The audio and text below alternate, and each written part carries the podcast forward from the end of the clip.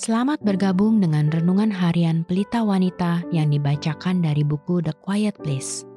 Pembacaan Alkitab hari ini diambil dari Ayub 42 ayat 1 sampai 6. Maka jawab Ayub kepada Tuhan, Aku tahu bahwa engkau sanggup melakukan segala sesuatu dan tidak ada rencanamu yang gagal. Firmanmu, siapakah dia yang menyelubungi keputusan tanpa pengetahuan? Itulah sebabnya, tanpa pengertian, aku telah bercerita tentang hal-hal yang sangat ajaib bagiku dan yang tidak ku ketahui. Firmanmu, dengarlah, maka akulah yang akan berfirman. Aku akan menanyai engkau, supaya engkau memberitahu aku. Hanya dari kata orang saja aku mendengar tentang engkau, tetapi sekarang mataku sendiri memandang engkau. Oleh sebab itu, Aku mencabut perkataanku, dan dengan menyesal, aku duduk dalam debu dan abu. Ayat kunci hari ini adalah dari Ayub 42 ayat 5 dan 6. Hanya dari kata orang saja aku mendengar tentang engkau, tetapi sekarang mataku sendiri memandang engkau. Oleh sebab itu, aku mencabut perkataanku, dan dengan menyesal aku duduk dalam debu dan abu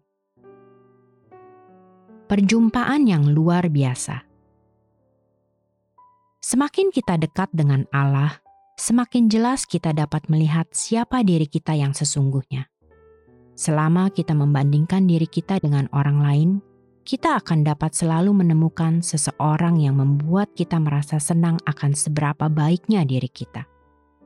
Tetapi ketika kita melangkah ke dalam terang kesucian Allah, hidup kita akan terlihat dengan jelas apa yang dulunya mungkin nampak bersih dan suci, tiba-tiba terlihat kotor dan bernoda. Cahaya murni kesuciannya memperlihatkan dan menembus setiap sudut dan celah, setiap retakan dan belahan dari keberadaan kita yang paling dalam. Sebagai contoh, Ayub adalah seorang yang takut akan Allah. Gaya hidupnya tidak bercacat celah. Penderitaan yang ia hadapi bukanlah akibat dari dosanya seperti yang dikatakan oleh teman-temannya. Tetapi penderitaan telah membuka hatinya, mengungkapkan tingkat kerusakan yang lebih dalam dari apa yang mungkin pernah dia lihat. Hal ini pun membawa dia kepada pertemuannya dengan Allah yang merubah hidupnya. Akibatnya, Ayub bukan lagi hanya seorang yang baik dan beragama. Sekarang, dia adalah seorang yang hancur hatinya.